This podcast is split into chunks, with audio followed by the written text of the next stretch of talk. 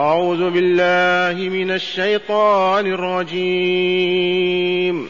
والذين آمنوا وعملوا الصالحات لا نكلف نفسا إلا وسعها. أولئك أصحاب الجنة. أولئك أصحاب الجنة هم فيها خالدون. ونزعنا ما في صدورهم من غل تجري من تحتهم الأنهار. وقالوا الحمد لله الذي هدانا لهذا وما كنا لنهتدي لولا أن هدانا الله. لقد جاءت رسل ربنا بالحق ونودوا أن تلكم الجنة أورثتموها أورثتموها بما كنتم تعملون. معاشر المستمعين والمستمعات من المؤمنين والمؤمنات القرآن الكريم وهو الكتاب الحكيم. دائما يذكر الشيء وضده. يذكر حال الظالمين والكافرين ثم يذكر حال المؤمنين والصالحين. لأنه كتاب ترغيب وترهيب. يرغب السامعين فيما عند الله فيعملوا لذلك ويرهب أيضا السامعين ليتجنبوا ما يسبب شقاهم وخسرانهم في الدارين. الترغيب والترهيب. يذكر الشيء وما يقابله. معنى الآية هذه درسناها فيما مضى وهي قول ربنا إن الذين كذبوا بآياتنا واستكبروا عنها.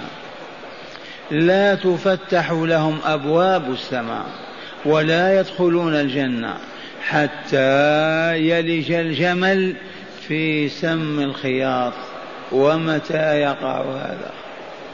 متى يدخل البعير في عين الإبرة؟ مستحيل. إذا فهم كذلك مستحيل في حقهم أن يدخلوا الجنة. لا تفتح لهم أبواب السماء ولا يدخلون الجنة حتى يلج الجمل في سم الخياط. وكذلك نجزي المجرمين. لهم من جهنم مهاد ومن فوقهم غواش. وكذلك نجزي الظالمين. ذكر حال أهل الكفر والشرك والباطل والظلم والفساد. والآن قال والذين آمنوا وعملوا الصالحات. أولئك كذبوا واستكبروا فلم يعملوا صالحا. فبين جزاءهم ومصيرهم. وعلى ضدهم الذين آمنوا وعملوا الصالحات. تدرون ما الإيمان وما هي الصالحات؟ الإيمان هو تصديقك الجازم القاطع. الخالي من الشك بل حتى من الوسواس ذاك الإيمان حتى لكأنك ترى الله عز وجل. ذاك الإيمان هو اولا بوجود الله تعالى خالق كل شيء ورب كل شيء ومالك كل شيء.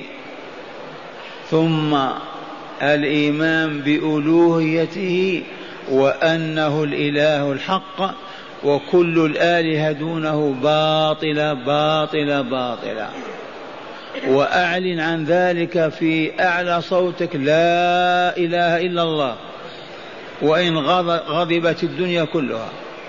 إذ هو هذا الواقع. والله لا يوجد من يستحق العبادة إلا الله.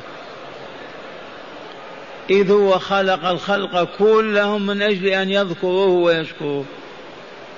من أجل أن يعبد. فكيف يخلق مخلوقا ويعبد معه؟ ونعوذ بالله من الشرك وأهله. وأما الصالحات فجمع صالحة. وهي كل عقيدة أو نية في القلب. تكون صالحة أو كل كلمة تكون صالحة أو كل حركة تفعلها تكون صالحة. متى تكون صالحة؟ إذا أمر الله بها وواعد بالخير عليها وبينها رسوله صلى الله عليه وسلم وبين كيف تقال أو تعمل تلك هي الصالحة. أما ما لم يشرعه الله في كتابه ولا على لسان رسوله فمستحيل أن يكون صالحا. ثانيا قد يشرعه الله ويبينه رسول الله صلى الله عليه وسلم ولا يكون صالحا حتى تفعله كما بين الرسول صلى الله عليه وسلم. فإن زدت أو نقصت قدمت أو أخرت لن يكون عملا صالحا إذ لا يصلح نفسك ولا يزكيها. ولو أنك قمت تصلي وأخللت بصلاتك ماذا يقول الفقيه؟ يقول صلاتك باطلة. أعيدها. معناه ما صلحت ما تزكي النفس ولا تطهرها. هذه النقطة هذه تعدل الدنيا وما فيها. ما هو الصالحات؟ ما هي الصالحات؟ لن يستطيع كائن أن يشرع كلمة فقط. يقول من قالها سبعين مرة دخل الجنة. لن يستطيع كائن بعد رسول الله صلى الله عليه وسلم أن يشرع لنا كلمة أو حركة ويقول هذه من العمل الصالح فاعلها تزكو نفسه عليها وتطيب. مستحيل. إذ الشرع من حق الله شرع لكم من الدين. أما كائن غير الله ما يشرع. ومن هنا كل بدعة ضلالة. هذه كلمة من؟ رسول الله صلى الله عليه وسلم. كل بدعة ضلالة. كيف ضلالة؟ لأنه يقول أو يعتقد أو يعمل ويطول زمانه بذلك ولا حسنة واحدة ضل وإلا ما ضل ما اهتدى إلى ما يزكي نفسه ويطهره واذكروا الأمثلة التي يلهمنا الله بها. نقول شرع الله تعالى حسب سنته لتنظيف أجسامنا وثيابنا وتطهيرها أوجد مادة الماء والصابون وإلا لا؟ في غيرها هل تستطيع أن تنظف ثيابك أو جسمك بالرمل بالحمأة بالتراب؟ ما يصلح لأن الله ما أودع هذا التراب مادة تطهر تطهر الجسم. إذا آمنوا حق الإيمان. آمنوا حق الإيمان الذي علمنا أن أركانه ستة. وأنه قائم عليها. هذا الإيمان الذي تعبد الله كأنك تراه. هذا الإيمان يضاف إليه العمل الصالح. فما هو العمل الصالح؟ هل يستطيع مفكر أن يشرع لنا عملا؟ ما من الأعمال يقول هذا العمل من عمله زكت نفسه وطابت وطهرت. والله ما يوجد. فلو دعانا أحد إلى أن نطوف بقصر بقبر بأي مكان قال من طاف به سبعة أشواط فله من الأجر كذا وكذا أو تزكو نفسه. هل هذا يصح؟ مستحيل. مستحيل أن تطوف بغير الكعبة وتزكو نفسك وتطيب وتطهر. لو أن شخصا شرع لنا شبه الصلاة حالة من حالات الرياضة وقال من فعل هذه تزكو نفسه وتطيب. هل يصدق في هذا ويقبل؟ مستحيل.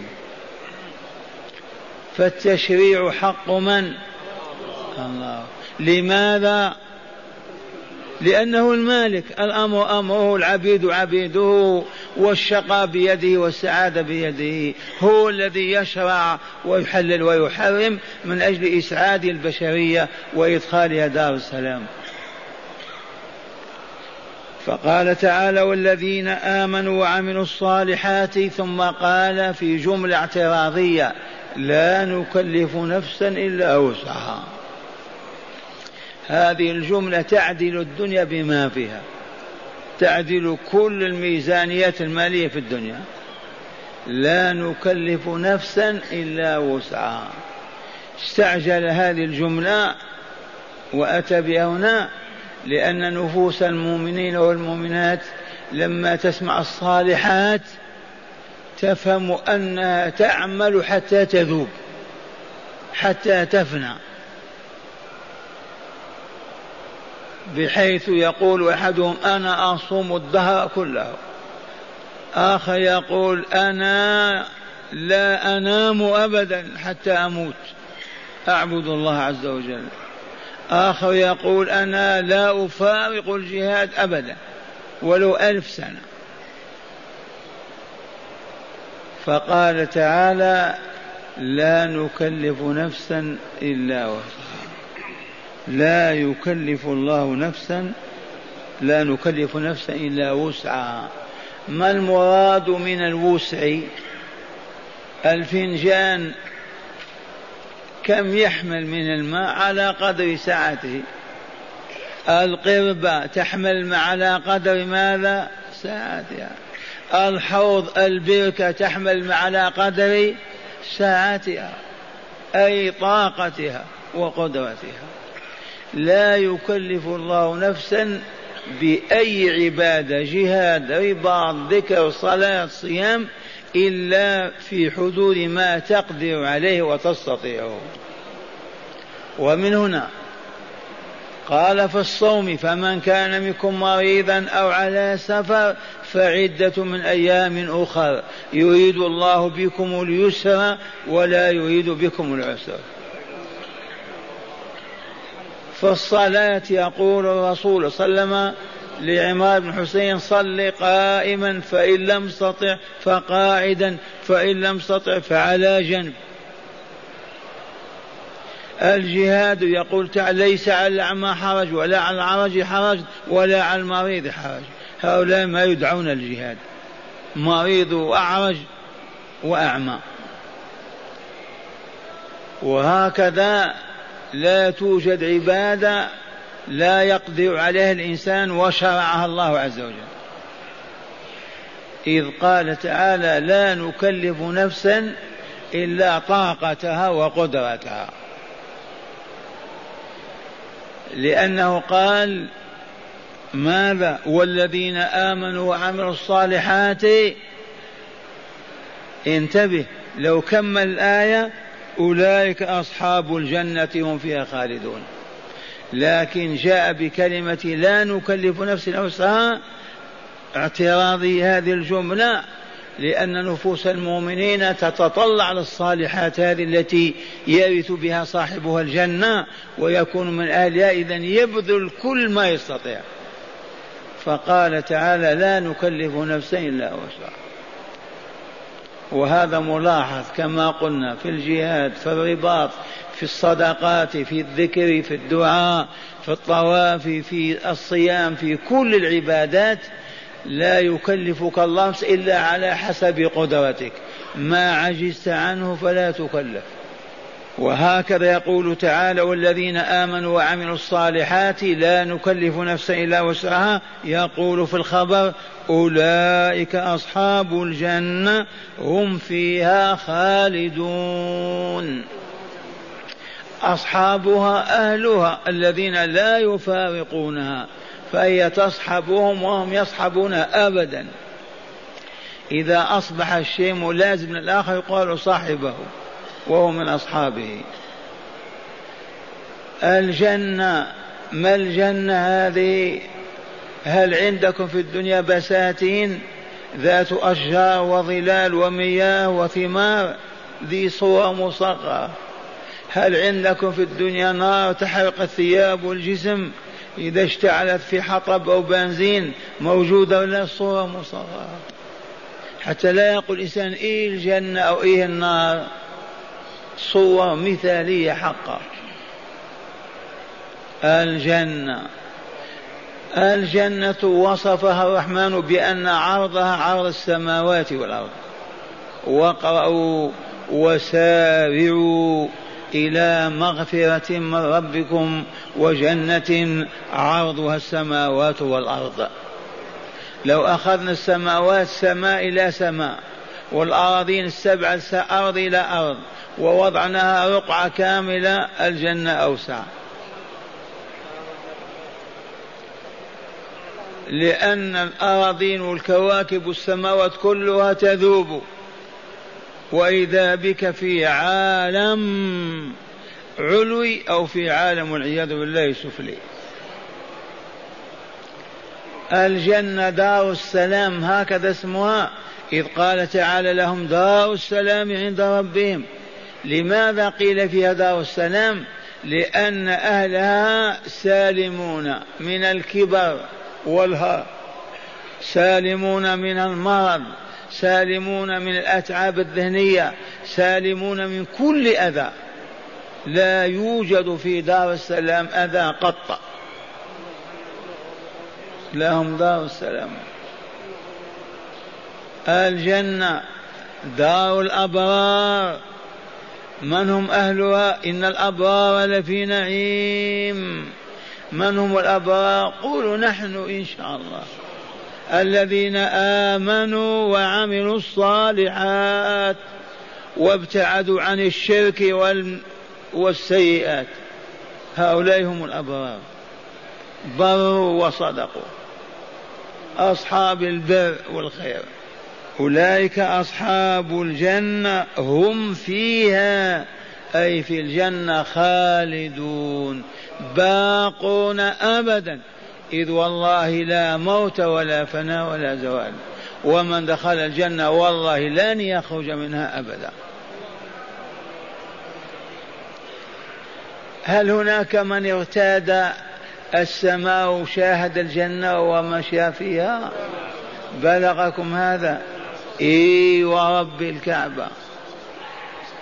لقد ارتادها رسول الله صلى الله عليه وسلم.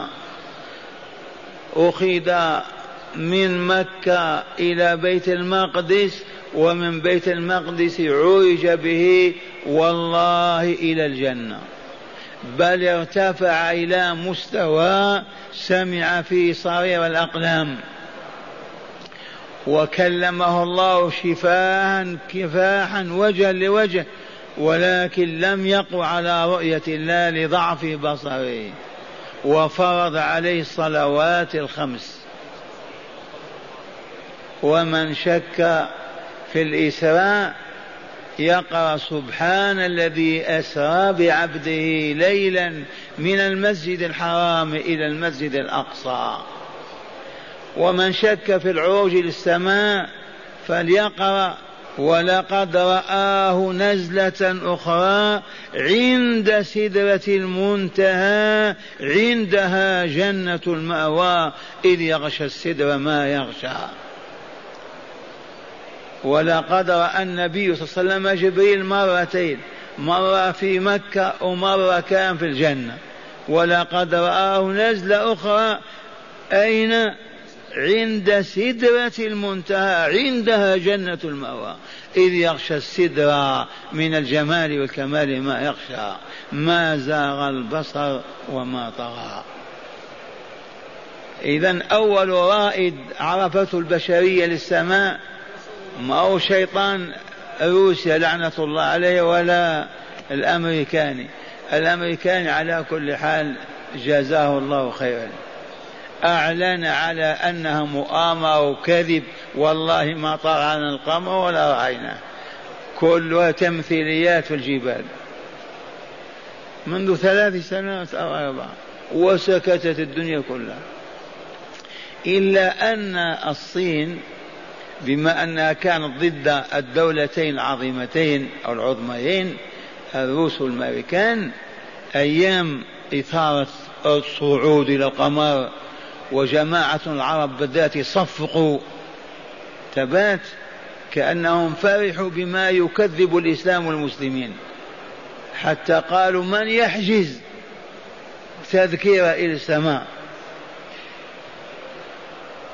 كتبت مجلة صينية تصفحتها تقول هذه مؤامرة بين الدولتين العظميين من أجل السيطرة على العالم. وكل الذي قالوه كذب باطل. ما هي إلا تمثيليات تمت على الجبال. فقط. والحمد لله وقفنا موقفا مشرفا وقلنا لن نكذبكم ولن نصدقكم. وإن قلتم لما قلنا هل صدقتم رسول الله في الإساءة والمعراج؟ ما صدقتم. كفرتم به وكذبتموه. إذا والذين آمنوا وعملوا الصالحات لا نكلف نفسا إلا وسعها. أولئك أصحاب الجنة هم فيها خالدون. ثم قال تعالى ونزعنا ما في صدورهم من غل الغل منشأ الحسد. الغل ينشأ من الحسد أو الظلم أو الاعتداء. فأهل الجنة لا يوجد في نفوسهم شيء اسمه غل يؤذي القلب. لا حسد ولا كبر ولا عجب ابدا. كل الأمراض القلبية ممتنعة كالأمراض البدنية. ويروى أن عليا رضي الله عنه قال هذه الآية في وفي عثمان وطلحة والزبير لأن في نفوسهم بعض الشيء من بعضهم البعض. قال فإذا دخلنا الجنة نزع الله ذلك لتبقى الأرواح طيبة والنفوس طاهرة. إذا كنت في الجنة وفي نفسك شيء ما تسعد ولو أكلت أعظم الأكل وأطيبه. ونزعنا ما في صدورهم من غل إخوانا على سور متقابلين. من سورة الحجاب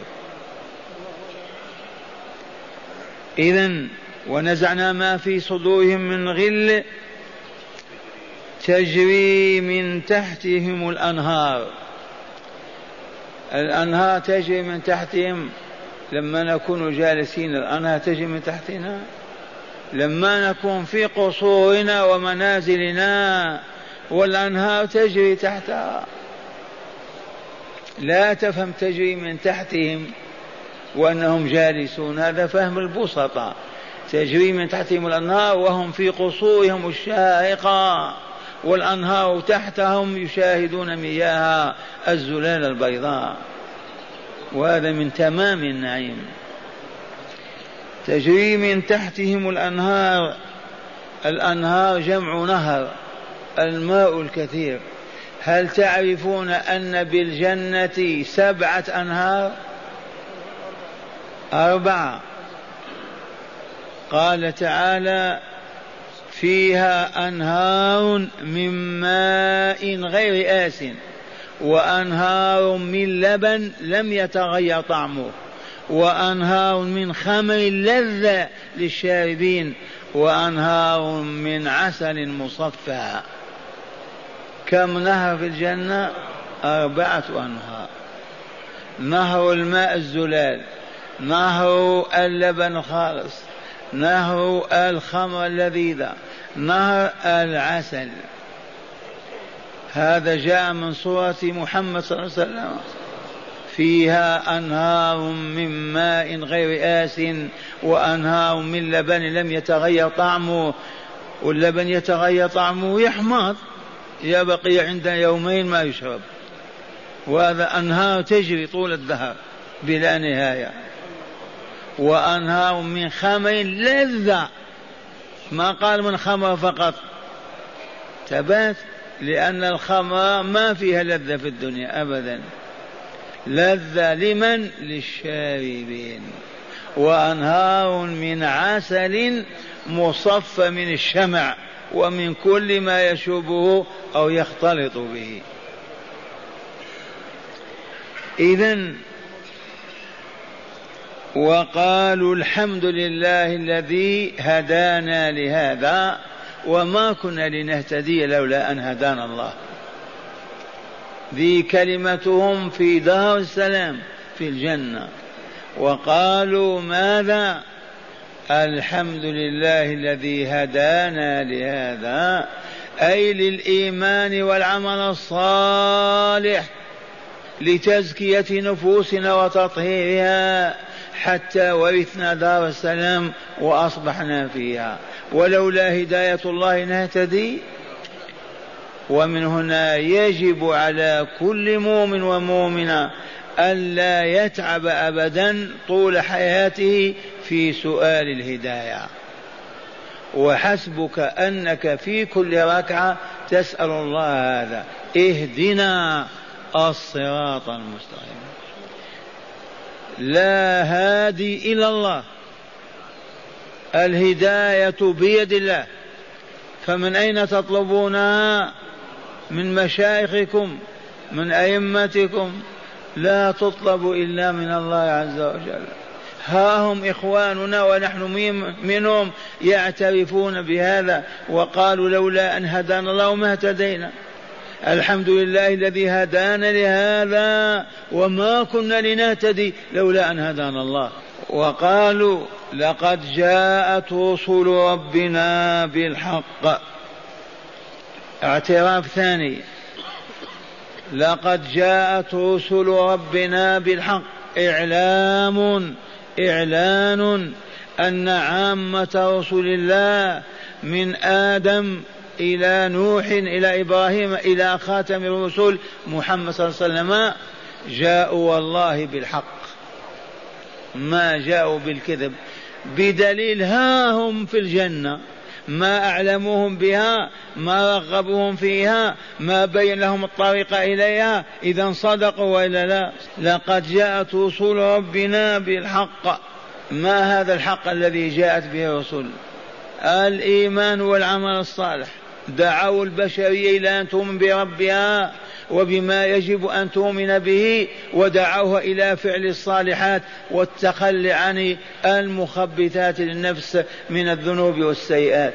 وواعدوا الناس بسم الله بالجنة دار السلام وتوعدوا المجرمين والمشركين بالنار. صدقوا وإلا ما صدقوا. هذا اعتراف أهل الجنة.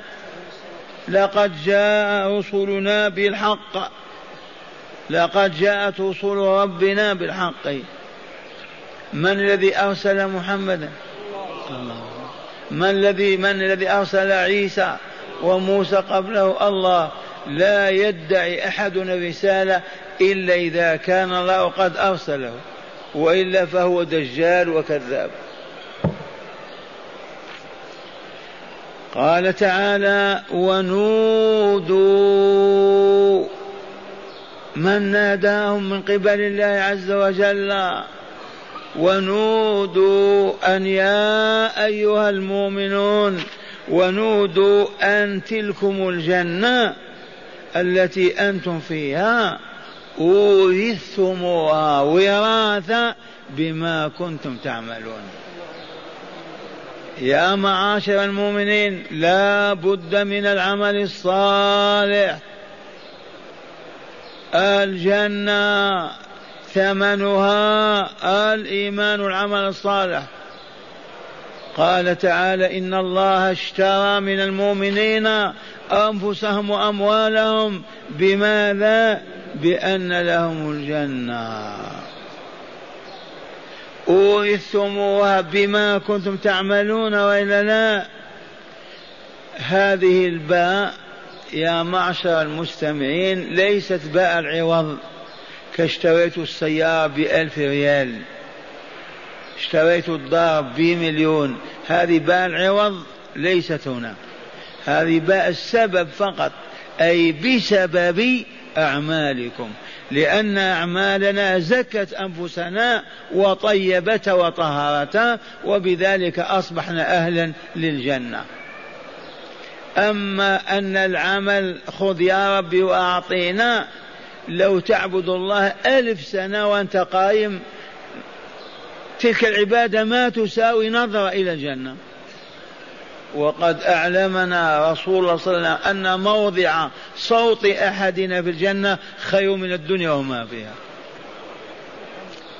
وفي هذا يقول صلى الله عليه وسلم اعملوا وسددوا وقاربوا اعملوا ماذا نعمل يا رسول الله؟ الصيام الصدقة الزكاة الحج العمرة العبادات. اعملوا. وسددوا وقاربوا.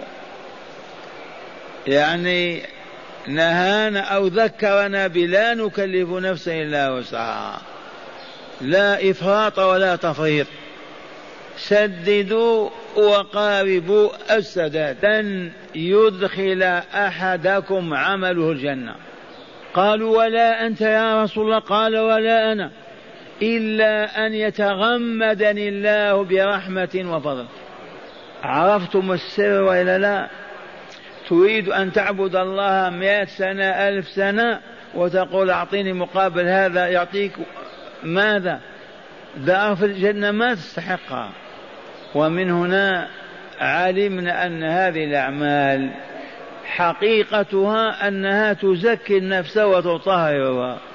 فمن آمن وعمل الصالحات وتجنب الشرك والكفر والسيئات زكت نفسه طابت وطهرت أصبحت أهلا لأن يقبلها الله في الملكوت الأعلى. ذي الحقيقة. أعمالنا أقوالنا عباداتنا شأنها أنها تغسل أرواحنا لتصبح كهذه الأنوار أو بعبارة أفصح كأرواح الملائكة في صفائها وطهورها وبذلك يأذن الله لها بدخول الجنة والخلد فيها. من يذكر حكم الله في هذه القضية؟ هاتي. قد أفلح. من زكاها وقد خاب من دساها من يراجع الله في هذا الحكم؟ والله يحكم لا معقب لحكمه. قد أفلح فاز بالنجاة من النار وبدخول الجنة عبد أو أمة زكى نفسه. يا شيخ كيف نزكي نفسي؟ ما هي مواد التزكية دلنا عليها؟ في إيه صيدلية؟ الجواب النفس تزكو على مادتين الإيمان والعمل الصالح. فإذا زكيتها فاحفظ زكاتها لا تصب عليها الأوساخ والمزابل وتقول آه حافظ على زكاتها وطهرها حتى يتسلمها ملك الموت وهي كأرواح الملائكة. ثم لو سئلتم كيف الجنة تورث؟ لأن الإرث عندنا يموت الأب يرثه ابنه. ما كان لأبيه ومات يرثه ابنه. يرث الأخ أخاه ما كان ينتقل إليه. كذا ولا لا؟ وما معنى الإرث في الجنة؟ من كان ملكها ومات ثم نرثها الجواب عند أهل الحلقة بالضروريات. لكن إخواننا الذين ما يشهدون هذا العلم ما يعرفون. كيف الجنة تورث الجواب اسمعوا. إن الله وهو العليم الحكيم. أوجد عالمين. وبعبارة فصيحة أوجد أو قريبة مدينتين.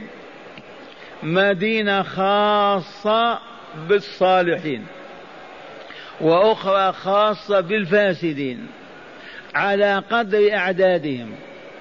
لا زيادة ولا نقص. ثم من أساء من أهل هذا هذه الدار ينقله إلى الأخرى والآخر ينقله إلى هذا فيرثه. فالجنة والنار كلاهما فيه مقعد منزل لكل آدم وجن. فإذا آمن عبد الله واستقام وعصاه عثمان وفلان يرث هذا المؤمن مكان ذلك وهو يرث مكانه في النار. وراثة كاملة. لعلي ما بينت. أقول ما من أحد من الإنس والجن إلا وله مقام في الجنة وآخر في النار. دارين إن استقام بالإيمان والعمل الصالح نزل في هذه ما استقام ينزل في الأخرى. إذا ما دامت محدود المقاعد على قدر البشر والجن حينئذ الذي استقام بالإيمان والعمل الصالح احتل هنا وارث مكان ذاك المجوس وإلى اليهود التي كان له هذا المكان ونزل مكاني أنا الذي كان لي في النار. إذ قال تعالى ونودوا ناداهم ربهم نداء من قبله ماذا قال أن تلكم الجنة التي أورثتموها بما كنتم تعملون. فهمتم الوراثة وإلا لا؟ مات أبي نزلت داره وإلا لا؟ ورثته. مت ورثني أبي نزل داره وإلا لا؟ فكيف التوارث في الجنة والنار؟ لكل مخلوق له منزلتين مكان في النار ومكان في الجنة. إن استقام ففي الجنة إن اعوج في النار. كذا ولا لا؟ إذا فكل من في الجنة ورث مكان من في النار. وكل من هو في النار هو وارث من هو في الجنة. وأعلمنا رسول الله صلى الله عليه وسلم أنه إذا استقر الوضع واستقر أهل الجنة في الجنة وأهل النار في النار يؤتى بالموت في صورة كبش أملح. ويذبح بين الجنة والنار ثم ينادي منادي يا أهل الجنة خلود فيها ولا موت وأهل النار خلود ولا موت. ثم أخبرنا رسول صلى الله عليه وسلم أن أهل الجنة يشاهدون أهل النار وأن أهل النار يشاهدون أهل الجنة. الآن ما تقول كيف؟ وأنت تشاهد في شاشة التلفاز. قبل نعم كانوا يؤمنون فقط. الآن لا تقل كيف؟ أنت في قصرك وتشاهد في السجن وهم يعذبون أليس كذلك؟ قال تعالى من سورة اليقطين والصافات فأقبل قال قائل منهم إني كان لي قرين. زميل يقول أئنك لمن المصدقين؟ أنت من جماعة المؤمنين أو ماذا يقولون؟ أه؟ المصلين بحسب جهال العرب. واحد يقول المصلين ويقول المتزمتين وآخر يقول الرجعيين. أئنك لمن المصدقين أئذا متنا وكنا ترابا وعظاما أئنا لمدينون. بعيد هذا مستحيل. بعد ما نصبح عظام كذا نجزى نجزى ماذا؟ قل له يا كلب روحك ما هي في عظامك؟ روحك شيء وعظامك شيء ثاني. تنقل الروح وتوضع في مكان آخر. الشاهد عندنا جهلهم. فقال هذا المؤمن هل أنتم مطلعون؟ هذا جماعة في الجنة يتكلمون. فذكر أيام الدنيا هذه وقال قائل منهم إني كان لي قرين في الدنيا يقول إنك لمن المصدقين أإذا متنا وكنا ترابا وعظاما أين لمدينون أي مجزيون بأعمالنا؟ فهل أنتم مطلعون؟ قالوا ما نطلع لا نرى وجوههم. فاطلع هو. فرآه في سواء الجحيم. فاطلع فرآه في سواء الجحيم. وجرت بينهم مكالمة بالحرف الواحد. وإليكمها قال تالله إن كدت لترديني أي تهلكني معك.